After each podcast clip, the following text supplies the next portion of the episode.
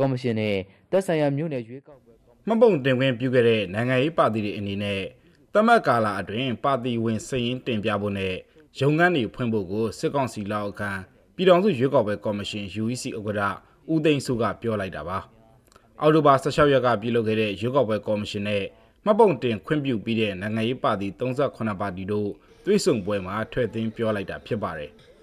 စစ်ကောင်စီကပြင်ဆင်ထုတ်ပြန်ထားတဲ့ဥပဒေအရဆိုရင် နိုင်ငံရေးပါတီတွေဟာမှတ်ပုံတင်ခွင့်ရတဲ့နေ့ကစလို့ရက်60အတွင်းပါတီဝင်အင်အားစည်းရင်းကိုတင်ပြရမှာဖြစ်ပြီးရက်ပေါင်း180အတွင်းပါတီရုံးခန်းတွေဖွင့်ရမှာဖြစ်ပါတယ်။ရခိုင်ပြည်နယ်အခြေဆိုင်ခမီအမျိုးသားဖွံ့ဖြိုးတိုးတက်ရေးပါတီကတော့ရခိုင်ပြည်နယ်အစိုးရနေရာမှာမမိတို့တိုင်းရင်းသားတွေပါဝင်စေဖို့ဝင်ရောက်ရှင်ပြိုင်တာဖြစ်ပြီးပါတီရုံးခန်းဖွင့်ဖို့နှစ်နေရာစာကြာနေသေးတယ်လို့ပြောပါတယ်။ဒါပေမဲ့ကိုယ်စားလှယ်ဘယ်နှယောက်ဝင်ပြိုင်မယ်ဆိုတာကိုမဆုံးဖြတ်ရသေးဘူးလို့ဆိုပါတယ်။အ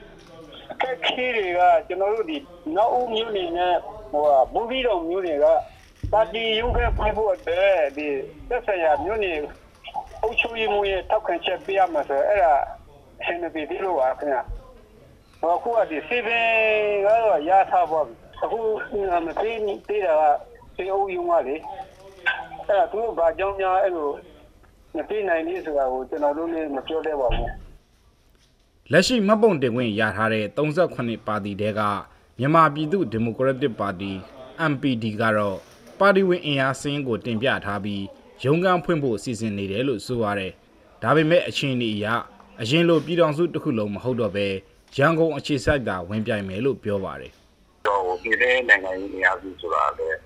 ဟိုကျွန်တော်တို့ကလိုအပ်ပါတယ်နော်ဒီတဲ့နိုင်ငံရေးအရာစုတွေကျွန်တော်တို့ကလုပ်ဖို့လိုတယ်လို့ကျွန်တော်တို့ကတော့ကြားတယ် နောက်မှလည်းခုမှမရှိဘူးဆိုလို့ရှိရင်လည်းအဲကျွန်တော်တို့ကကျွန်တော်တို့သွားတဲ့ဟိုဒီမိုကရက်တစ်ဒီပုံကအဝေးကလုံးဝ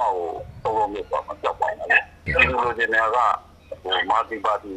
ဆိုတဲ့လေမာတီပါတီဆိုတော့ဒီ general election ကိုကျွန်တော်တို့ကဒါကပတ်သက်ကြောပတ်ကြောမှာတယ်။ရှမ်းတိုင်းသားများဒီမိုကရေစီပါတီ SNDP ကြားဖြူပါတီဥက္ကဋ္ဌစိုင်းအိုက်ပေါင်းကလည်းသူတို့ပါတီအနေနဲ့ တနိုင်ငံလုံးမှာကိုယ်စားလှယ်200ဝန်းကျင်ဝင်ပြိုင်မှာဖြစ်လို့ပါတီဝင်အင်အားသသိန်းအထိစည်ရင်းပြထားပြီးကိုယ်စားလှယ်တွေရဲ့နေအိမ်မှာရုံးခန်းဖွင့်ဖို့စီစဉ်နေတယ်လို့ဆိုပါတယ်ဟုတ်ကဲ့ဒီတစ်ခါတော့မတ်ပုံတင်ကြမှာမဲထည့်ရမယ်တော့မဲဆရတဲ့မို့လိုဘကိုနေလိုက်လို့လည်းချက်ချင်းဟောထွက်လာတယ်လေမဲဆရထွက်လာတယ်လေခုလောလောဆယ်တော့ကျွန်တော်တို့ဟိုလက်တွေ့စမ်းသပ်ကြည့်တော့တော့ လေမို့တော့ခက်ခဲနေပြထင်နေလားဒါပေမဲ့ကျွန်တော်တို့ရခိုင်လို့ပြောပြရအောင်လေဘလောက်မှန်ကန်လဲမမှန်ပါလဲဆိုတာဒါနိပညာတွေကလည်းအဲ့အမေရိကန်မှာတော့မှဖြစ်နေသေးတာလေဟုတ်တယ်မလား။อืมအဲ့တော့ကျွန်တော်တို့လည်းရန်လုံးပြတော့မပြောရဲဘူးဗျ။နိုင်ငံရေးပါတီတွေဘက်ကဒီလိုပြောပေမဲ့ရွေးကောက်ပွဲဟာထွက်ပေါက်မရှိဖြစ်နေတဲ့စစ်ကောင်စီကစစ်ကောင်းဆောင်တမရဖြစ်ရေးအတွက်နိုင်ငံရေးထွက်ပေါက်ရှာတဲ့အလုပ်တစ်ခုဖြစ်တယ်လို့ နိုင်ငံရေးလေးလာသုံးသက်သူဦးတန်းစိုးနိုင်ကဆိုပါတယ်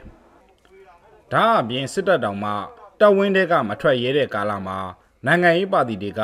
ဘလို့စီယုံရေးစင်မလဲလုံခြုံရေးကိုဘယ်သူကတာဝန်ယူမှာလဲလို့မေးခွန်းထုတ်ပါတယ်တကယ်ကတော့ကျွန်တော်တို့ဟိုပြည်သူတွေမြောက်မနေတဲ့ Federal Democracy ရွေးကောက်ပွဲဖြစ်ဖို့အတွက်ဟောအကြောင်းချက်ဘယ်လိုမှမပြည့်စုံပါဘူးဖြစ်လဲမဖြစ်နိုင်ပါဘူးတို့တော့ညာလဲသူတို့လည်း ဒီစစ်ကောင်စီနီးလူတခြားထွက်တော့မရှိတဲ့အပြောင်းဒီကော်မရှင်ရဲ့လုပ်ငန်းစဉ်တွေမှာသူတို့တက်နိုင်တော့ပါဝင်နေကြတာပါ။ဒါအပြင်ရွေးကောက်ပွဲလုပ်ငန်းစဉ်တွေဖြစ်တဲ့မဲစရင်အကြောင်းပြလူဦးရေစရင်စစ်ဆေးတာလုပ်ခွင့်ရတဲ့အတွက်ဟန်ပြလုံးနေတဲ့ UEC အတွက်အကျိုးမရှိပေမဲ့စစ်ကောင်စီရဲ့လုံခြုံရေးလုပ်ငန်းစဉ်အတွက်အကျိုးရှိလို့တိုက်တွန်းလုပ်နေတာလို့လည်းဆိုပါတယ်။စစ်ကောင်စီခေါင်းဆောင်အပါအဝင်လက်အောက်ခံပုဂ္ဂိုလ်အားလုံးက ရွေးကောက်ပွဲအကြောင်းခဏခဏပြောနေပေမဲ့